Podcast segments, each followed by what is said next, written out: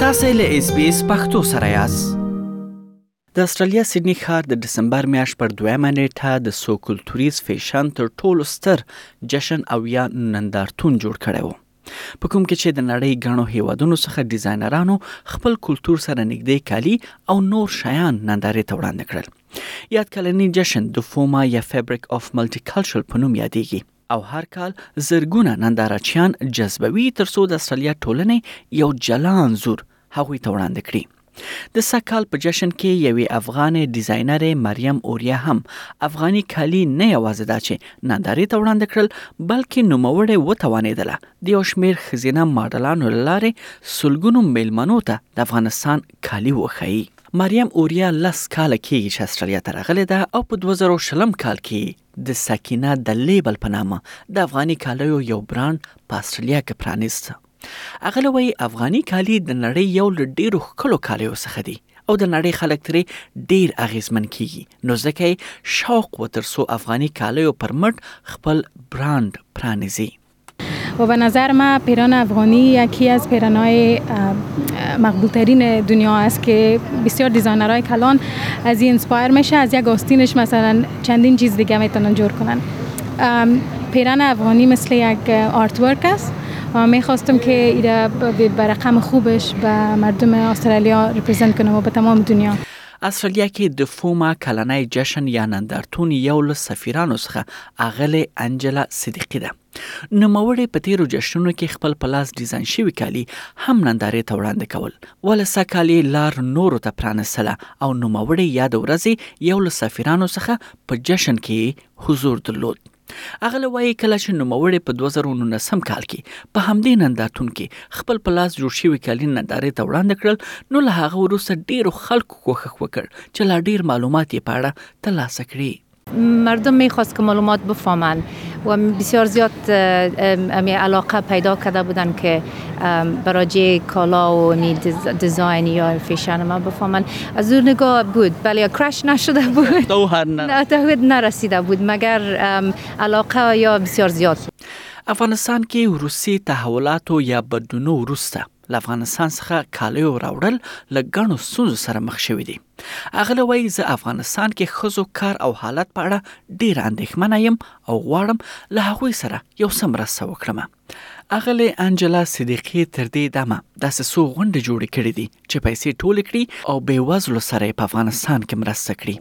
اغله وای هر ورځ هڅه کوي تر څو له افغان میرمنو سره مرسته وکړي او روز از مو خاطر می تپ تلاش دارم که چی کنم که خدمت کنم برای افغانستان و به مردمش از خاطر که بر ما بسیار هر چیز میسر است هر چیز میرسه یگان روزا می باشه که بسیار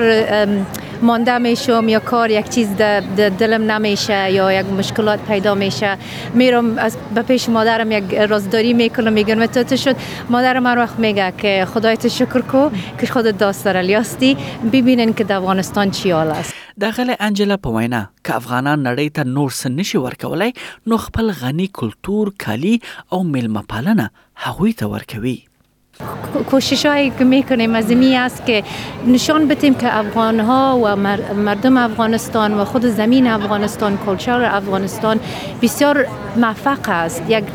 ما یک مردم هستیم که مثلا اگه شما هیچ چیز نداشته باشین ما هم نداشته باشیم هم چیزی که در پشت ما است کالا هر چیز است برتون میتم بهترین چیز میایه به پیشتان ما میتم میمانم به میمانم این از نگاه کلچر بسیار چیزای مثبت است د فوما فیسټیوال مشره سونیا ګاندی وایي د فوما له لارې استرالیا کې څو کلتوریز وده شمولیت او هم ټولنه ته د دې لار هواروي تر څو وده وکړي دا څلورم کال دی چې فوما پر مخ اچول کیږي اغله سونیا وایي هر کال چې ډیزاینران یې وړاندې کوي د هغې تر شا کیسې لري او هماغه کالیو لاره وړاندې کیږي So you never know who's watching, you never know who is looking at your brand. And most importantly, what people are understanding now is the journey, the clothes that you wear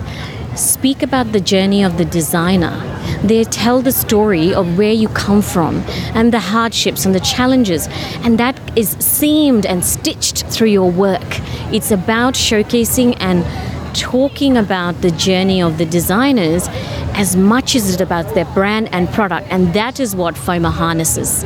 اغله سونیا وایي سږکال افغان ډیزاینره مریم اوریا خپل افغاني کالي نندارې ته وړاندې کوي او د هغې همدې کالیو ډیزاین تر شا کیسې پرتې دي کوم چې زړه راښکونکي دي بل دا چې د هغله په وینا ډیری کسانو د مریم کالیو په اړه بحثونه کول We've absolutely loved working with Sakina, the label, and uh, Mariam Oria, who is the, the, the, designer and the story behind her label.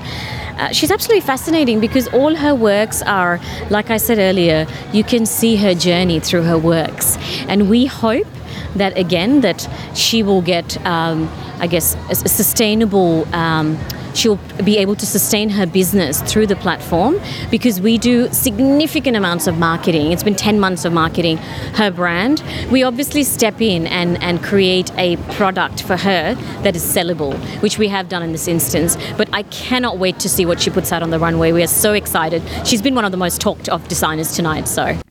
مریم زاهد پوپل چې سیدنی ښار کې د افغان ښځو خوځښت ټولنې مشره ده او په دې نندارتون کې هم ګډون کړی وو وایي په داسې وخت کې چې د افغانستان حالت ډیر خراب دی مونږ غواړو نړیوالو ته د افغانستان ښه انځور وړاندې کړو خصوصا حالا که چون شرایط افغانستان بسیار خراب است ما برای یک جنبه مثبت ضرورت داریم بتانیم نشان بتیم به جهانیان که خب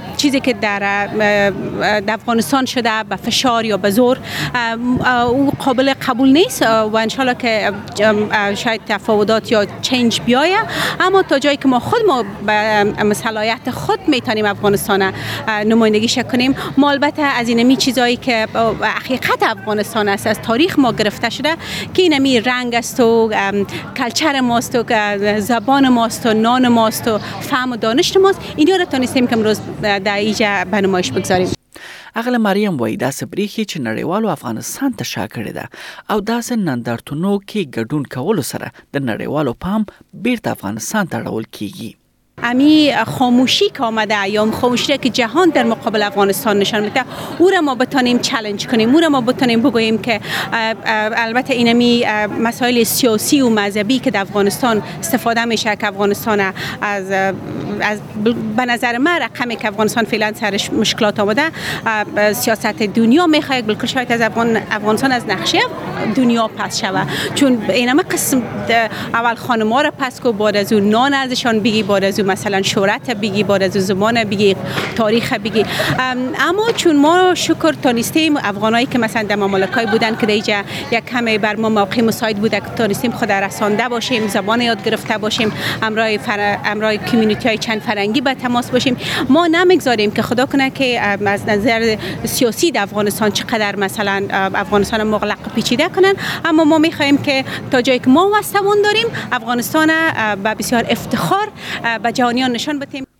مریم اوریا چې په خپل لاس ډیزاین شوي افغان کالي او زیورات یې ماډلانو پر تن سلګونو کسانو ته نندارې ته وړاندې کړل وایي زه غواړم د یوې افغان ښځې غږ اوسم طالبانو واکمنۍ سره ښځې په ډیره کې خپل کار څخه محرومه شوې دي او د هغوی کاروبار نشتون لامل یې اثر په بهر کې پر افغان ډیزاینرانو هم اچول شوی اغله وایي شپږ میاشتې افغانستان کې له میرمنو سره کار وکړ تر څو هلته کالي او زیورات جوړ کړي چې دلته یې په استرالیا کې نندارې ته وړاندې کړي ولې د اغله په وینا دغه جوړ شوي کالي ورته ونه رسیدل اغل اوریا وایي زما راتلونکو کارونو څخه یوه پروژه نو راغلو افغان کډوالو په اړه به وي تر څو استرالیانو ته وښایي چې راغلي افغانان کډوال دي او دوی بوج نه دي او هر یو یې له ډیرو مسلکو سره استرالیا ته راغلي می یک چانس است که من میتونم صدای بر مردم افغانستان شوم به می زنای افغانستان شوم و من بسیار زیاد پلانای خوب دارم که اول ای که یک ویدیو پورتریت دمی هفته آینده پلان دارم که جور کنم سر ریفیوجی که درباره ریفیوجی که میاین یعنی مردم مردم استرالیا بگویم که ریفیوجی کس نیست که یعنی از هیچ کس بترسه یا از هیچ کس دور باشه اینجا یا بوج باشه کسایی که میاین از خود زندگی داشتن از خود کاربار داشتن از خود یعنی یک دنیای خود اعلان کردن آمدن اینجا میخوایم که یک شورت فیلم از جور جور کنم که مردم بفهمن که راستیم که افغانا از چی خاطر تو بیچاره شدن اس پی اس پختو په فیسبوک کې تا کې پلی مطلب یو فاک کړئ نظر ور کړئ او له نورو سره شریک کړئ